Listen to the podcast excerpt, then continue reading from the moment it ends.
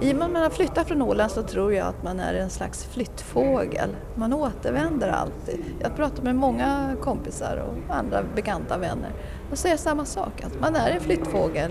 Man pendlar och pendlar. En dag kanske man fastnar kvar då, blir till roten kvar där. Man återvänder liksom hela tiden. Ja, jag tror man längtar efter havet och, och lugnet. Det är en helt annan rytm där. Va? För jag tycker när jag åker från Åland till Stockholm, jag vet ju vad, oftast vad jag ska göra va? men att det är en helt annan puls här. Och, ja, då träffar man vänner här och ser utställningar och ja, det är någonting annat. Men samtidigt behöver man bägge ställena så det är en enorm ro att dels tänka sig att ah, nu ska jag åka hem till Åland, gud vad skönt, liksom bara lugnet och havet och, och vidderna, skogen och allt vad man har runt om sig. Och när man far hit till Stockholm så ja, då är det trafik och det är buller och det är fart. Alltså telefonerna ringer och man kämpar på.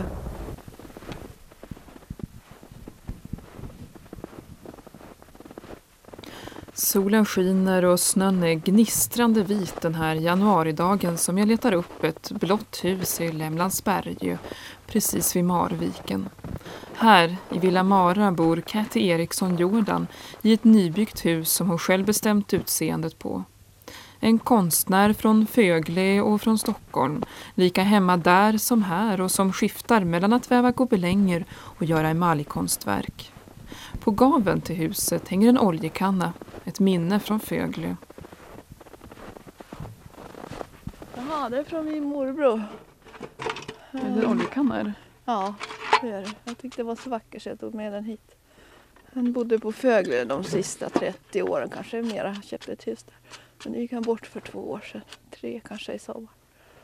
Ja, jag tycker att den symboliserar min morbror. Men jag tänkte, du vill aldrig flytta till Fögle istället? Aldrig, aldrig på en sekund alltså. Det enda jag kan tänka mig det är min farmors gamla ställe. Dit skulle jag kunna tänka mig om jag var tvungen att flytta. Annars ska jag aldrig flytta dit. Nej. Mm. Tycker du inte om din barndom? Nej. Nej, jag gör faktiskt inte det. Inte Fögle. jag kan passera där någon gång men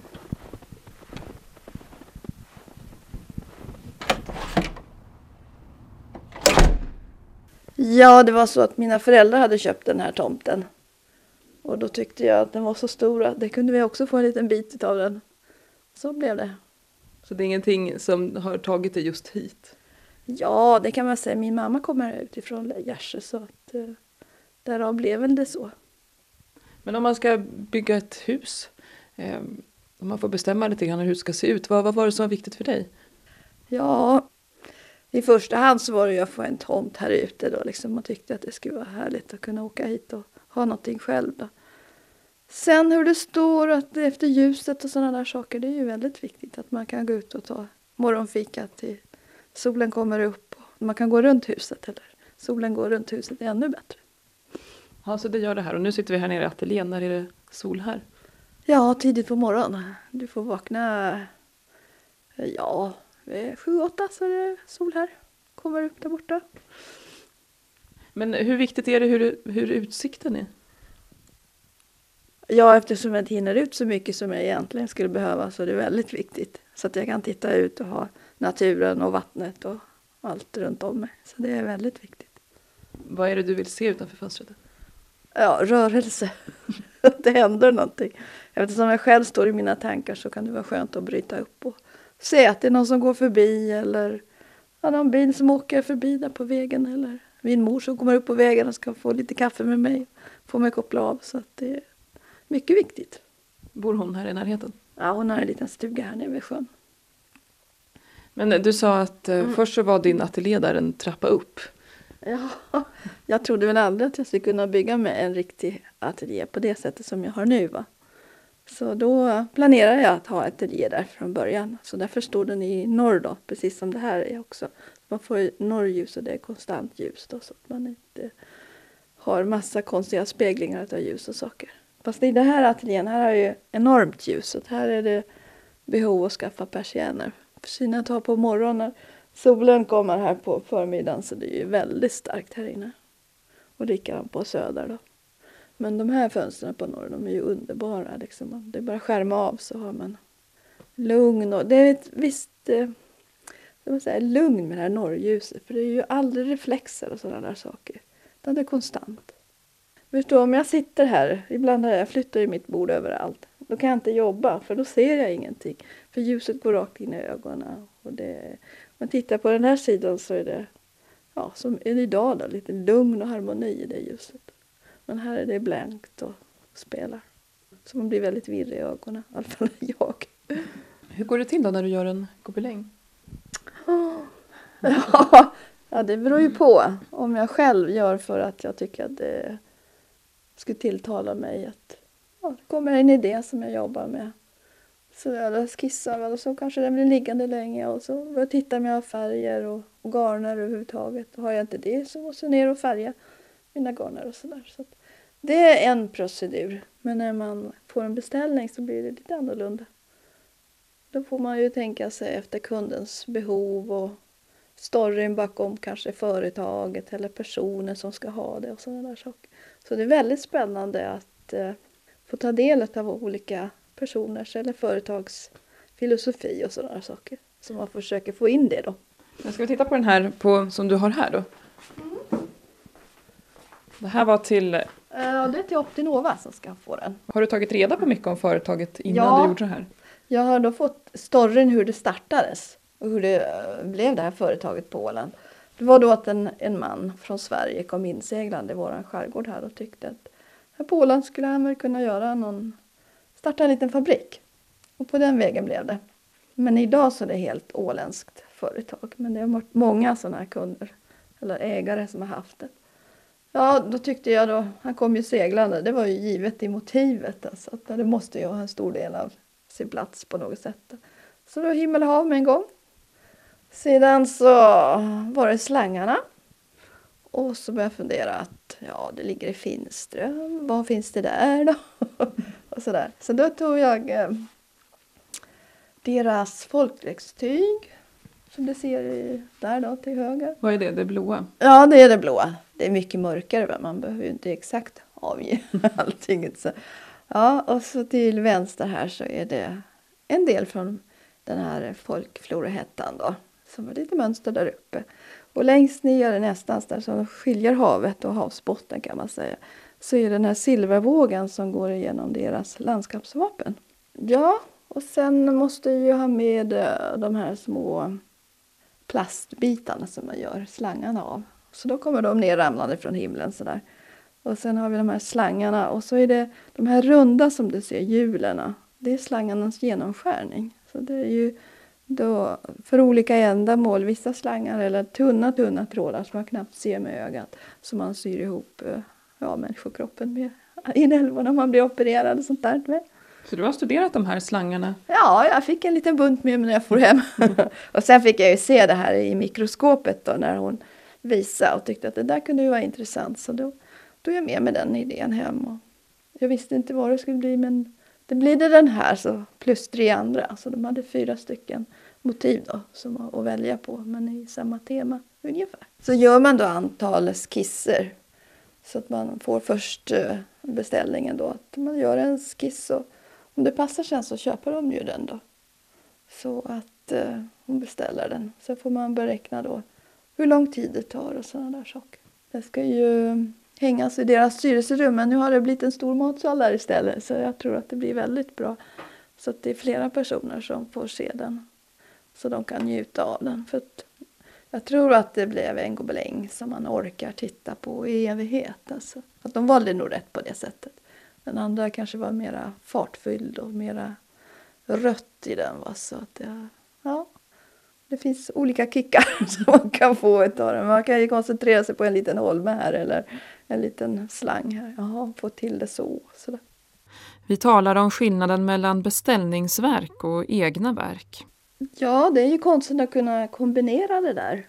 För att jag får ju ta mina kunskaper och, och sådana där och överföra det då till beställaren och se. Han har ju då kanske sett vad jag gjort tidigare och tycker att ja, hennes stil att uttrycka saker och ting, det passar oss. va. Det är ju mycket sånt som det beror på också. Att eh, Man vet ungefär vad man kan få eller inte få. Men eh, det är klart, jag försöker ju skapa mitt sätt eller min stil på de produkter jag gör. Så att man ser att det är en Ketty som har gjort det. Och jag jobbar ju jättegärna med hav och himlar. Och... Segelbåten på gobelängen är skir som den hade ritats med en tunn blyertspenna. En stor del av konsten att man behärskar allt det där. Teknik, kvalitet och så pennan då att rita med och, så, och strukturerna framför allt. tycker jag spelar väldigt stor roll. Och vad man väljer för material. Man kan ju inte välja alldeles för luddigt till ett hav och, och till himlen eller sådär. Det ska ju vara lite blänk och sådana saker. Så det, för mig har det alltid varit stor betydelse sådana saker. Men din eh, vävstol sköts ju med hjälp av en dator. Ja, men det är bara, den sköter ju bara det manuella ska vi säga. Eller ja, det blir det. Heter det så? Den sköter eh, mina trampor och min slagbom. Så att jag kan då sätta mig vid datorn först eller det har jag gjort, och programmera in mitt turskaft, min Panama, min HV som jag använder. Vad, och, vad är allt det för någonting? Ja, det är vevtekniker mm. och, och, sånt där. Så att jag kan ha det till hands. Va? Så då slipper jag krypa under vävstolen och knyta upp mina trampor. Så det är bara det det hjälper med. Och sen så håller det ju upp skälet så jag behöver inte stå och plocka. Va? Men den här gobelängen den innehåller väldigt mycket liksom pastelliga färger. Mm. Är det någonting som är typiskt för dig? Ja, kanske. Det beror på. Jag tycker nog om att ha kraftiga färger också. Mina vävar kanske är lite pastelligare än mina emaljer. De är mycket kraftfullare i färg. Och det beror väl också på material och sådana saker. Men hur blev det gobelänger och emalj? Ja, gobelängerna kom först. För jag utbildade mig som textilkonstnär då, på Konstfack. Och, Var, varför gjorde du det? Ja, jag tyckte det var spännande att hålla på med just textil. Alltså. Det låg där i grunden på något sätt. Det gjorde. då, hade du gjort det mycket när du var yngre? Nej, jag tror att det är påverkan. Man såg farmor vävde, de spann, de karda och sånt där. Helt plötsligt så satt man där själv och tyckte att det var roligt. Va? Och sen så sökte jag min utbildning på det sättet. Jag är mer en praktisk människa än en teoretisk människa. Så det har passat mig bra. Men eh, under tiden jag gick på Konstfack så jag tyckte ju inte om att måla så det väldigt speciellt. Men att väva det var ju livet. Men sen så tyckte jag nej, det bara kom sen, nu måste jag måla. Så då har det blivit mera att jag sökte ett nytt material för i väven kan man inte måla på samma sätt. Där är man bunden till det man har tänkt sig var liksom ett mönster. Men det är svårt att ändra på alltihopa. Då får man ju klippa mycket. Det kan man få göra ändå. Uh, så då sökte jag ett nytt material och så blev det emalj. Så då började jag 84 med det. Och där i och med att man har en, där har man ju en bestämd yta också precis som i en textil. Va? Men du ser hela ytan, du kan påverka den hela tiden och gå över och måla och fixa. Men det är ju också, jag menar, emalj precis som gobeläng är ju ett arbete i väldigt många steg och ja. på något vis det är ju väldigt eh, eh, ja, har man väl bränt det så då kan man väl inte göra så mycket mer. Jo, mer. Jag bränner en emalj kanske 30 gånger. Va? Så liksom man, man, lägger inte, man kan inte lägga på allt på en gång. Man kan högst ha en eller två färger. Man kan aldrig ha två färger intill varandra. För då har den ena torkat och den andra våt. Och åker de ju ihop och det vill man ju inte alltid. Så det är mycket avgränsningar och sådana där saker så att man lägger tunna lager och täckande lager och sånt där man geggar på. Så att eh, det går snabbt mm. att förändra. I och med att det är som laserande och täckande så kan du börja på nytt om du tycker det blir för jäkligt. På gobelängen där kan du ju, du kan ju gå in med saxen och klippa upp. Va? på ett ställe eller flera ställen. Men det blir liksom små punkter där du har gjort det. Men på eh, en emaljplåt då, där kan du ju gå över hela ytan och du märker inte det på samma sätt. Va? Det blir inte, du kan ju förändra hela bilden. Men i en väv så är det mycket svårare. Men det kan jag ju fritt och skapa på det andra. Va? Och där har jag ett helt annat språk också. ja, där kommer det mera måleriska fram och fantasier och man har ju sina speciella små figurer som man leker med. Som då pratar med varandra. Det är små flaskmänniskor och det är djur som är någon eller några. Det vet man inte. Men det är olika situationer de kommer i hela tiden i livet. Är det, är det så att det är små figurer du gör som, som, eh, som återkommer då hela tiden? Eller? Ja, de har nog varit med mig här antal år nu ända sedan eh, 90-talet någon gång så kom de och hälsade på mig. Jag har gått mycket på Etnografiska museet, Etnologiska heter det. Och ja, studerat lite urkonst, folkkonst, folkloristiskt. Sen har det helt plötsligt blivit på pappret någonting då. Och sen har man spunnit vidare och så har man gått och sökt. Och, och sen är det många små grejer som kommer tillbaks från gobelänger som man har vävt liksom på beställningar och sånt där små som man har sökt fram ur gömmor. Mm. Så det, ja, det blir en sfär runt den med små symboliska värden då som man pusslar ihop. Alltså vad är det som har gjort dig till, till att bli en konstnär? Ja, jag vet inte, men jag har alltid haft eh, den här längtan att göra någonting, skapa någonting ända sedan jag var barn. Det har jag haft. Det var alltid eh, ja, penna, papper, färger och sånt där runt. Så fort man hade en ledig stund. Va? Men vad, vad gav det dig då, då när du var liten? Ja, liten och liten. Började komma i tonåren. Ja, men det blev avkoppling, ett sätt att fly va, från vardagen. Man trodde väl att man skulle göra någonting här i livet. Eller man hoppas ju på det. Skriva eller ja, rita, berätta och sådär. Det var nog det jag skulle syssla med. Det visade sig sen då liksom när man kom upp mer i åren och sådär. Man fick testa på att väva och, ja, och måla också och sådär. Så att... Var det mycket konst hemma hos dig när du var liten? Nej, inte i den bemärkelsen. vi hade ju mycket blommor och färger och grönt och sånt där runt om. Va? Så min pappa och mamma hade en handelsträdgård. Och det var färg och form va? överallt. Och hos farmors där var det alltid, det var jättespännande att åka dit. Då fick man se sina föräldrars eh, teckningar och morbröder, farbröder, allt vad det nu heter, fastrar och sånt där. De gjorde enorma saker i skolan. Liksom. Inte vet jag att vi gjorde så fina saker på den tiden. Och så fick man sitta där och teckna och måla. Då hade man all tid i världen. Och de uppmuntrade nog oss barn att rita. Och det fanns inte så mycket annat att göra heller. Och ja, läsa och, och rita. Så det var det stilla skärgårdslivet lite grann som också bidrog? Det kan hända. Det har ju påverkat en mycket, det måste vi säga. Liksom att man kanske är en lugn och någorlunda harmonisk människa.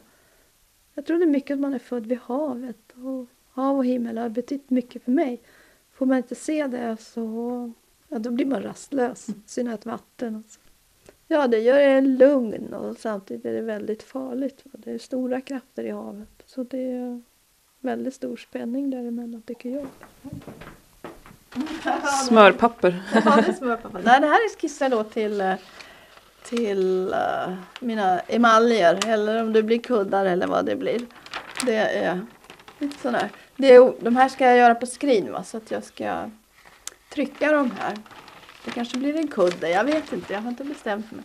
Men jag kan ju använda delar utav vad som helst. Då. Och det är mina figurer då som jag kan applicera på mina emaljer. Men äh, den här teckningen som är där borta? Ja, det är min sons. Han, är, uh, han sysslar med marknadsföring och reklam idag. Det där var hans period på folkhögskolan på konstlinjen här mm. i Pålands. Sonen finns närvarande hela tiden hos Katty. De delar på huset i Lämland och på lägenheten i Stockholm. En trappa upp i huset i det rum som tidigare var ateljé hänger en gobeläng som fick sonen att aldrig börja röka.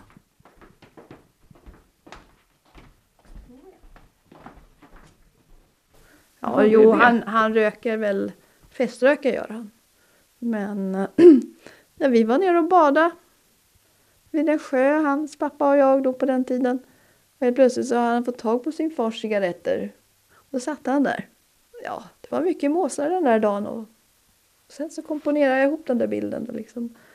Och han var ju väldigt aggressiv på den där bilden, min son. Så fort det kom någon så kastade han in den i garderoben. Då åkte den ner. Men idag får den hänga uppe. Men han har varit väldigt restriktiv med den där. Alla frågar varför sitter han och röker? Ja, det är för att han inte ska röka sig.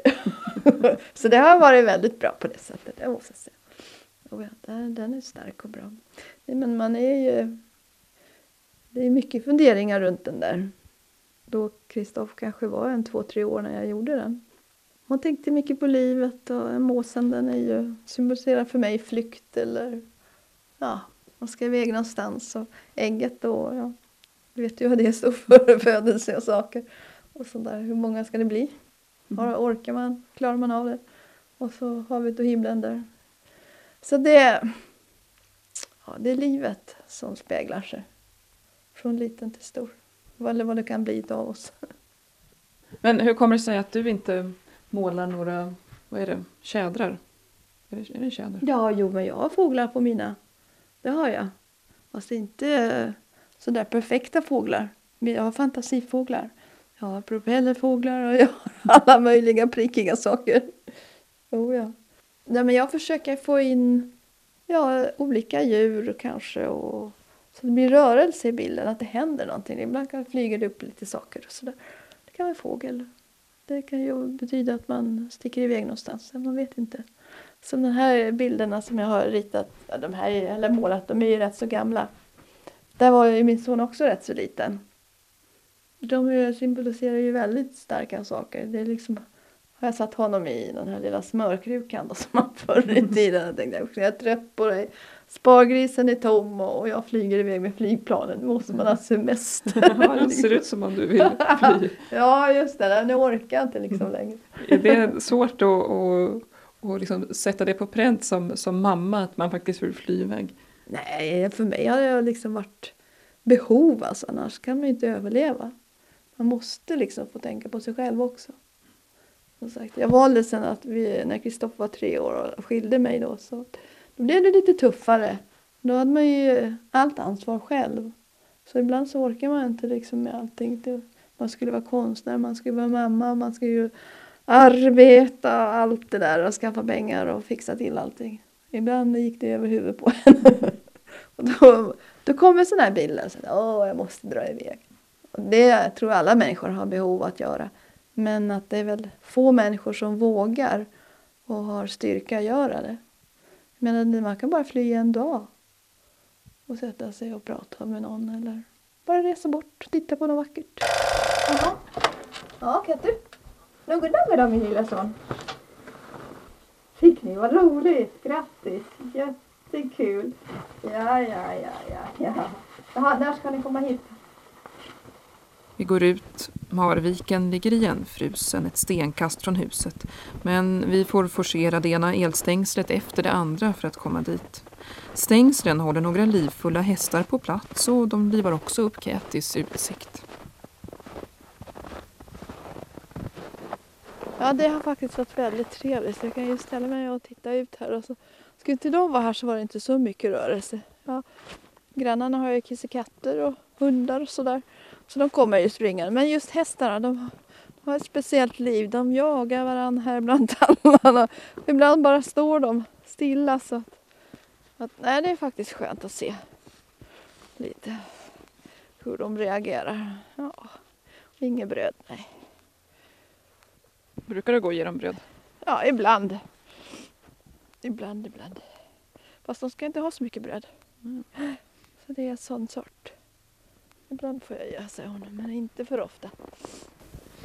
Om relationen till sonen? Och så säger jag bollplank till varandra i arbete och ja, överhuvudtaget. Vi har väl varit så nära varandra i många herrans år, 25 år snart nu. Så att ibland är man... Ja, man måste ju prata med någon när man lever ensam. Som sagt. Då det är på gott och ont många gånger att man är så nära. Men att det är nog mest positivt måste jag säga. Det är jättekul. Man får vara med fast man nu har blivit lite äldre brukar jag säga. jo men jag tror att det, det är viktigt. Det är jätteviktigt alltså.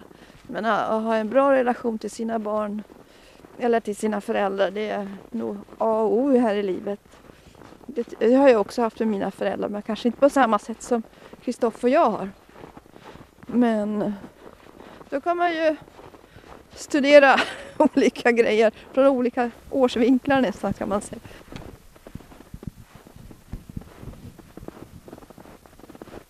Ja, ja, var, var kommer ditt förnamn ifrån? Ja, vad ska jag dra till med? Det var, min mamma var väldigt förtjust i Ketterström. Ja, det är en åländsk kvinna som var mycket inom teatern så var hon här på Åland. Då. Och hon kommer här utifrån Gärsö och min mamma hon beundrade henne väldigt mycket. Så när hon skulle få en flicka när hon blev stor i sitt liv så skulle hon heta Ketty. Och därför hade det blivit det. Så jag fick inget annat namn, bara Ketty. Och sen har du dubbel efternamn, hur kommer det sig? Ja, men jag gifte mig med en fransman så jag ska få lite nytt blod hit till Åland. Nej, vi brukar skämta om det va. Men det blev en fransman. Men, eh, kom i vägen och kärlek uppstod som det heter. Vi är väldigt goda Frank vänner fortfarande men vi passade inte ihop sen så väldigt bra.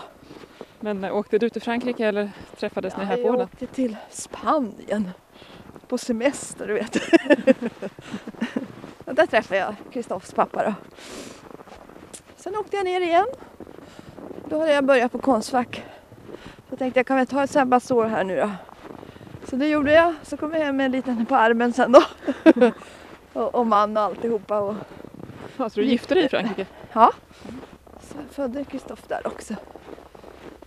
Det var väldigt intressant.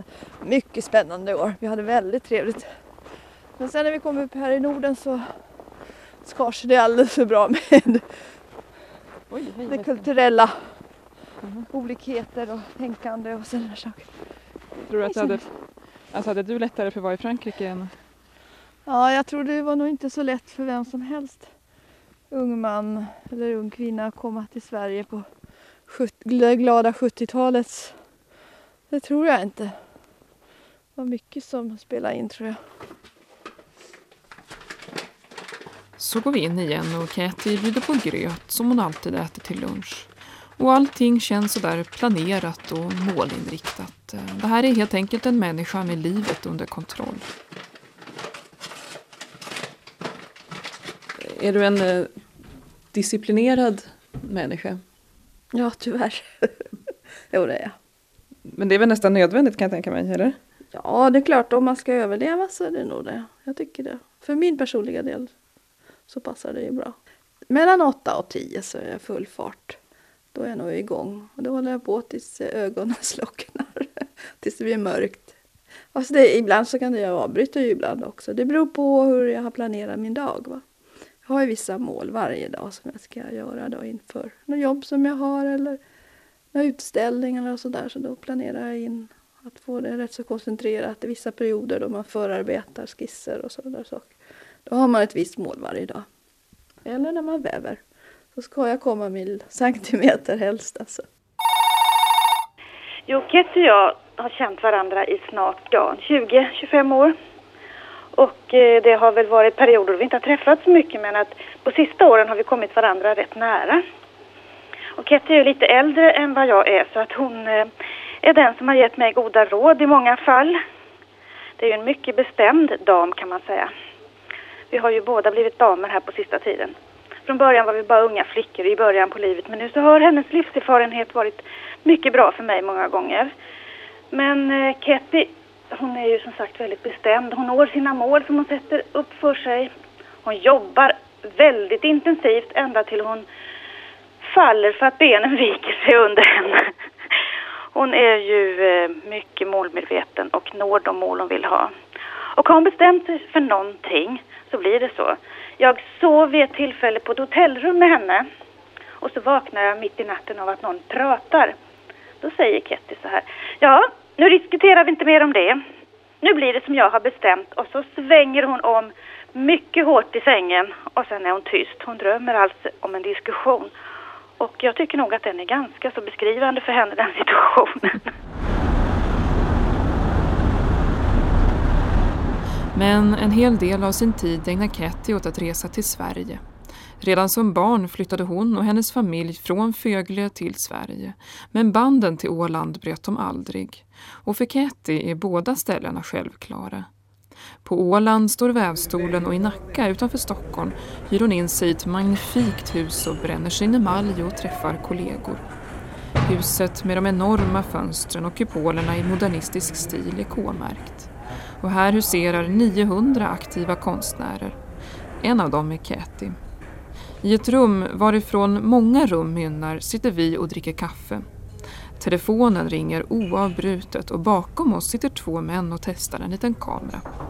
Takhöjden är enorm och ljuset faller in från fönstren högt ovanför oss.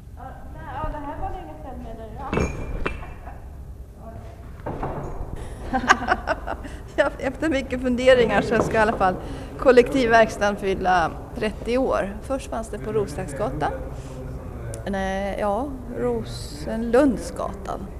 Och sen flyttade vi hit ut i Nacka, Sickla-området för 20 år sedan. Så nu blir det 30-årsjubileum här i höst. Han som byggde det, han, då var det en firma som hette eh, oh, sån här, eh, precisionsverktyg. Så det var en sån där komet som hade det då tidigare. Men idag är det K-märkt så det är ett väldigt vackert hus med ljus och välvatt och sådär. Så. Trivs du bra här? Ja, jag tycker det är inspirerande att vara här och jobba. Det är det. För att man träffar kollegor och man har problem och går och funderar på. Så sätter man sig här ute i café så frågar man, vet du vad man skruvar? Lite skruvar eller några andra verkligen viktiga saker för schablontillverkningen eller emalj som jag sysslar med. Alltid är det någon som vet, annars så hänvisar de till någon annan. Så man hjälper varandra hela tiden. Va? Nu håller jag på och förbereder emaljplåtar och grunderar dem. Och så gör jag ordning schabloner som jag ska trycka med för det blir väl kanske lite textil till min utställning som jag ska ha här i höst. Och så ska jag använda dem även på emaljen så det ska bli väldigt spännande. Så det gör den här resan. Sen får jag hem till min ateljé och jobbar vidare på mina plåtar sen. Hur mycket bryr du dig om en eventuell kritik som kommer? Ja, det är glad om, om, den är, om man får kritik. Det är jättesvårt att få kritik överhuvudtaget i Stockholm så det eh, vet man ju inte. Blir det en liten blänkare får man vara glad, annars får man vara nöjd ändå. Nej men jag tycker att eh, världsbäst ska man aldrig bli men kan man skapa bilder som folk tycker om och blir glada att se och kan njuta av dem och att man, sen att man får sälja dem. Så då, ska, då är jag jäkligt nöjd. Mitt mål är inte att vara bäst. Mitt mål är att göra vackra stämningsfulla bilder som folk har glädje av. Det är inte så att du går omkring och är nervös dagarna kring att du har ställt ut på galleriet och undrar hjälp, hur ska det här tas emot? Ja, det är klart att man står ju, det är lite rampfeber, visst är det. Det är, det är spännande också att se vad folk tycker, om de ropar högt i skyn eller usch, nu har hon inte gjort någonting alls, ingen nytta har hänt och sånt där. Det är ju alltid risken med det. Va? Men det gäller ju att inte ställa ut för ofta heller. Det ska ju ha hänt någonting i ens skapande förrän man har nästa stora utställning, det tycker jag. Jag tycker den här gången, ja, bilderna, man ser att det är jag som har gjort dem men det har hänt någonting med dem. Vad är det som har hänt? Ja, men det måste man komma och se. det kan jag inte tala om. Hennes konst, ja, den är ju fin. Men så får man ju inte säga. Men jag tycker nästan att hennes emaljer är ett strå vassare än, än hennes textilier och där har hon utvecklats jättemycket de senaste fem åren. Det är väldigt positivt att se. Det är samma typ av eh, figurer då, men att hon blommar verkligen ut i färger och, och mönster på ett annat sätt när hon gör emaljen. Hennes textilier är väl de som kanske man tänker på först när man tänker på Ketty, men hennes, de här djuren som finns i emaljerna och färgrikedomen som av någon anledning passar henne bättre. De, den har verkligen utvecklats där och den tycker jag är jättefin. Det är inga träd och absolut inga hästar som syns utanför de enorma fönstren i rummet där Cathy arbetar med sin emalj. Nej, det är en trafikerad korsning, en bensinstation, stora företagshus och en bit bort den lilla blå Saltsjöbanan. Men eh, Cat är ingen romantiker, även om det är mycket landskap och hav med i hennes konst. Hon gillar att det kommer in mycket ljus och att lokalerna är funktionella. Långt från det ombonade huset och den trivsamma ateljén på Åland. Här råder funktionalism och emalj. Ja, det är lika kämpigt varje gång man ska börja med till exempel en textil och man ska tänka sig in i strukturer, olika tekniker och material och sånt där. Så man tänker lite annorlunda. Sen går man från textil till emalj. Ja, det är en, en eh, konstig soppa då, en lervälling som man jobbar med för att få den då till några bilder och, och målningar, vad man vill ha. Visst, det är helt annorlunda. Men det är också jätteskönt att det är sådana kontraster. Att det är hårt plus mjukt. Va? Att man får ut någonting av det. För att jag, jag vet inte, jag måste ta i lite grann. Och bara hålla på med de där fjuniga trådarna, det passar inte heller hela tiden. Så därför tycker jag det är jätteroligt med emaljen då. Varvar du det? Eller? Ja. Nu har jag ju mest vävt när jag har fått beställningar och sådär. Därför idag kan man inte stå och spekulera väva en vacker gobeläng för det tar ju fyra månader kanske att göra en kvadratmeter. Och vem ska jag då få pengar av under tiden om jag inte har en beställare?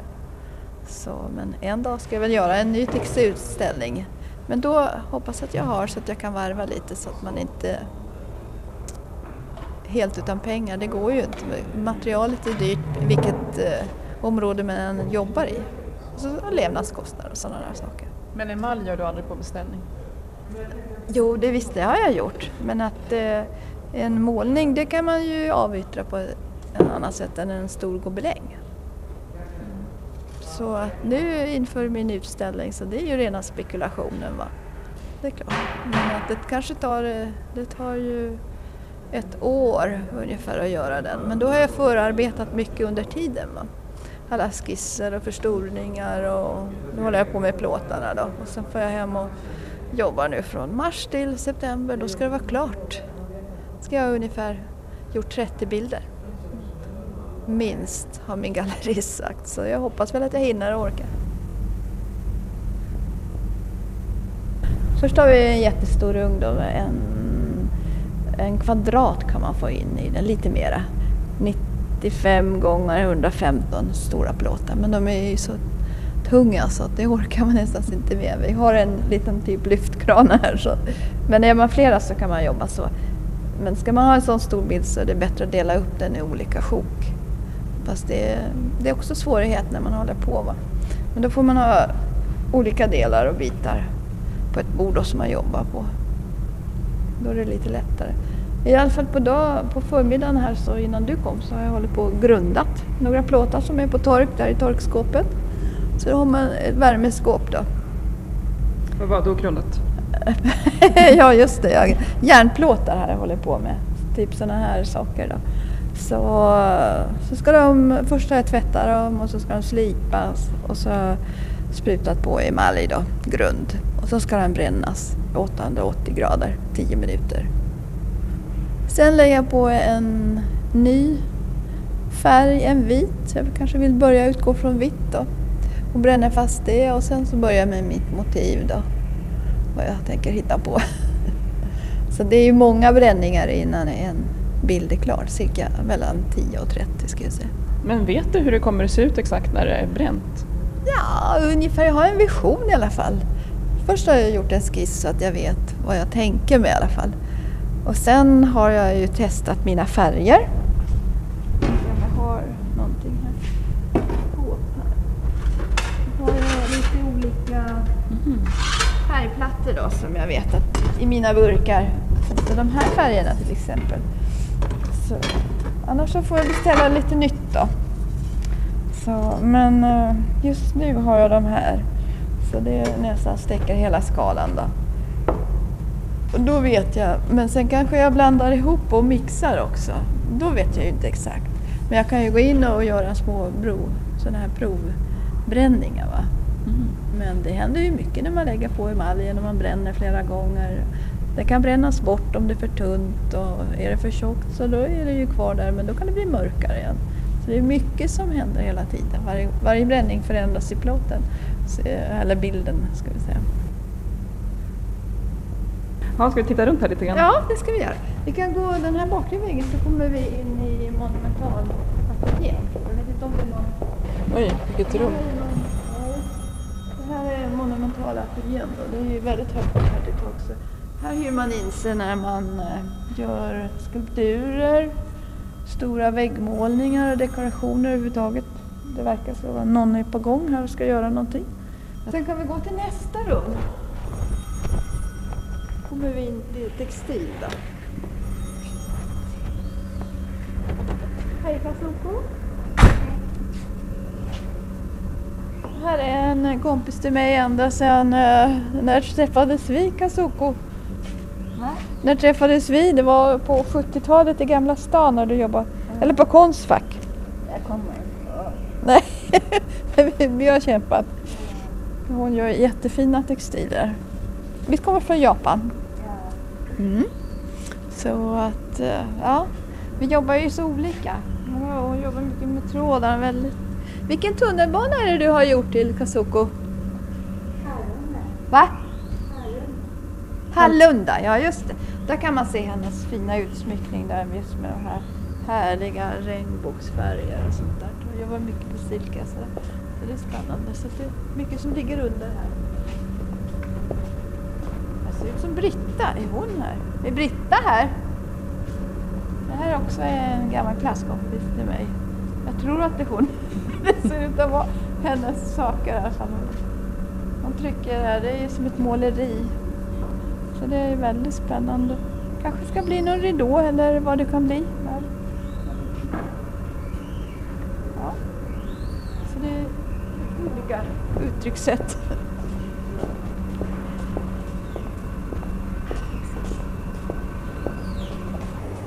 Inne så har vi en sån här schablonrum som man sätter på.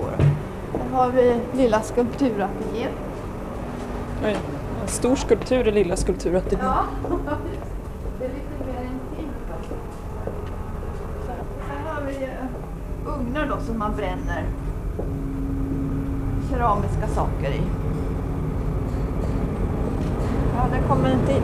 Där har vi metall, det ska vi gå in på. För där är jag ju mycket och jobbar med, Eh, och bockar plåtar och svetsar. Och jag är inte duktig på svets, så det brukar jag försöka leja till.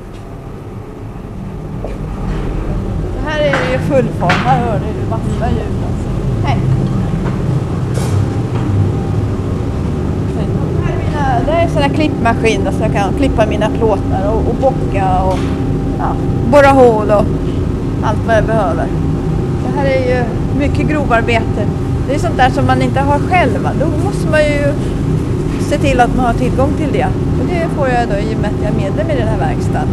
Jag tycker om att arbeta i, det här, i den här verkstaden. Ja, det är härligt.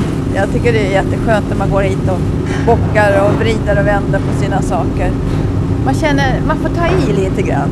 Till skillnad mot eh, om man säger, en liten mjuk tråd. Det, är, det lindar man ett finger hur som helst. Men att få en plåt att böja sig och bocka sig, det då har man använt sina krafter på ett sätt. Så det, ja. Sådana där grejer. Här inne har vi det är bronsgjuteri. Som det är någon som håller på med. Jag vet inte, tror att det är, ska se om man är här. Så de här är gjutna och färdiga. De ska väl putsas de här nu på något speciellt sätt. Det är, eh, jag vet inte vad det heter det där när det blir grönt. Det är ärgat på något sätt. Ja, precis. Han ska säkert ha någon utställning. Vi ska se om han är plats idag.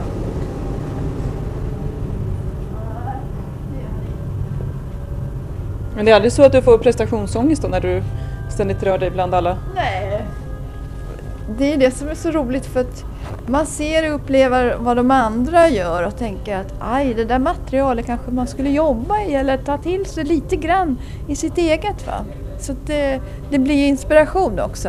Man ser andra hålla på och grejer. Ja, hej Josef! Det är han som har gjort de här fina skulpturerna. Förlåt? Är det Ja, det är mina. Just Ja, det. de är jättefina. Ja, det Jag är tänkte, jag. vi- ska vi inte byta lite? Ja. ja, just det. Det kan vi göra. Ja, Ja. det är bra. Ja. Sen. Ja, det ligger ju konst överallt här. här inne så gör jag mina schabloner då. När jag ska belysa dem. Här är skrintryck på papper. Så att, eh, kan man ju göra sina egna affischer om man vill. Eller kort eller vad som helst. Eller eh, som, ja jag funderar på de där som jag håller på med där inne. Att kanske trycka upp några skrinblad då, som man kan sälja. Alla har inte råd att köpa en emalj. Om man kanske säljer en eh, serigrafi eller något sånt där så är det lite billigare. Får se om de blir bra. Det vet man ju inte. Och om tiden räcker och sånt där. Så det är mycket. Nu är vi tillbaks. Ja, just det. På emaljen. Jag känner om det blir för varmare här. Jag vet. Ja, du känner att det är ingen värme runt om här. Nu har det kanske inte varit så mycket folk här i helgen heller. Ja, ugnen är varm. 846 grader.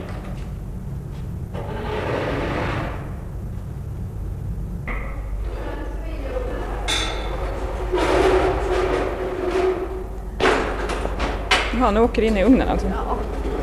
Så där är det 880 grader var det när vi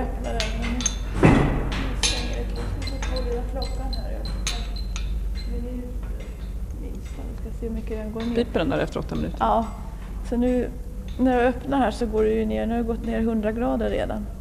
Men normalt så går den inte ner så mycket. Men det, jag satt på den nu på morgonen så hade den varit på en par timmar så sjunker den kanske 50-60. Så går den upp lika fort igen. För det ska ju helst vara 880 grader där inne. I åtta minuter ska det brännas. Det är bara 789. Ja, men den går upp igen sen. Så det, nu glömde jag igen, man ska ha en sån där visir framför ansiktet. Dels så att den inte ska torka ut och få rynkor och så för ögonen. Eh, kanalerna blir så torra. Jag åkte på en sån här ögoninflammation här förra året när jag jobbade jättemycket. Så nu har mera har jag kroniskt torra ögon. Så att man får eh, hålla på att droppa lite nu och då. För att det blir ju väldigt varmt där vet du, när man kommer. Och ändå så glömmer jag det där visiret. Jag brukar ha det hängande här men det är någon som har använt det sedan mig. Hej Susanne! Hur jag känner henne eller hur jag lärde känna henne? Ja, hur var det? Det var här. Ja, det var här när vi höll på med emalj helt enkelt. Så blev vi väldigt goda vänner. Får ni, får ni någonting ut av varandras arbete? Jag vet inte, får vi det? Ja, det får vi kanske. Ja, det får vi nog. Jo, vi är med i Emalgruppen Ja, det är väl tillsammans. samma sak. Jo, men man får ju, men kanske inte direkt utav varandras arbete så, men ändå får man väl ut det, för annars skulle man väl inte umgås. Men hur skulle du vilja beskriva Kattys konst? Det kan inte jag göra. Ja, men, nej, alltså jag tycker inte jag skulle kunna. Inte kan man beskriva, nej jag, jag kan inte, det kan jag faktiskt inte. Ja, nej det, det kan inte jag. Jag är ju väldigt fascinerad av Kattys eh, väv, vävnader, va? väldigt. Va? Men det, har, det jag har sett då. Att, ja, de, de berör mig väldigt mycket, både tekniskt och bildmässigt. Att även också ha en väldigt stor teknisk Tekniken är lika viktig som bildmässigt i att sammanfläta i varandra till exempel. Va? Ja, ja. Men då kan jag kanske låna lite titan ditt halvkilo som betalar det istället. Ja, nej, jag har inget titan. Jag har bara en liten droppe. Jag kanske måste beställa det själv. Jag vet inte. Ja, jag ska beställa det också så att jag Ja. har 500 spänn. Oj, ja, ja. Ja, jag, Ja, tror du att det blir färdigt nu? ja, om en minut så är det färdigt ska vi öppna. Så, så blir det bra. Oh, ja. Ja, Men det är väl så att det är många som är väldigt förtjusta i mina textilier. För det har jag jobbat mest med det. Va? Och sen började med, med emalj. Men det är ju olika känslor också. Liksom det är kanske lite mer kvinnligt, det som Susanne sa, med textil. Va? Så Polen är väl, ja, väl mest känd som textilare. Men även emalj nu då.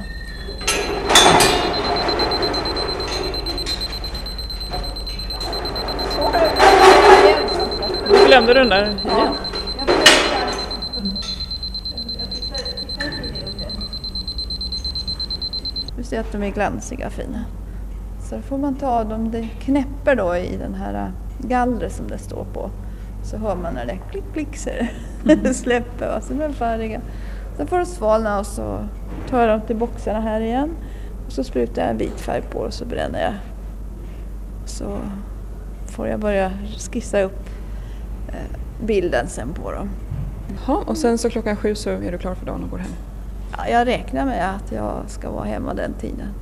Jag har alltid något på gång. det är det. Är det det som är ett, ett gott liv för dig? Ja, det är en drivfjäder. Va? Liksom, den här klockan ska ju gå tills den stannar. Sen är det slut så är det slut. Jag menar, man måste ha en meningsfull dag varje dag. Men lyckas du skapa det tycker du? Ja, det gör det nog.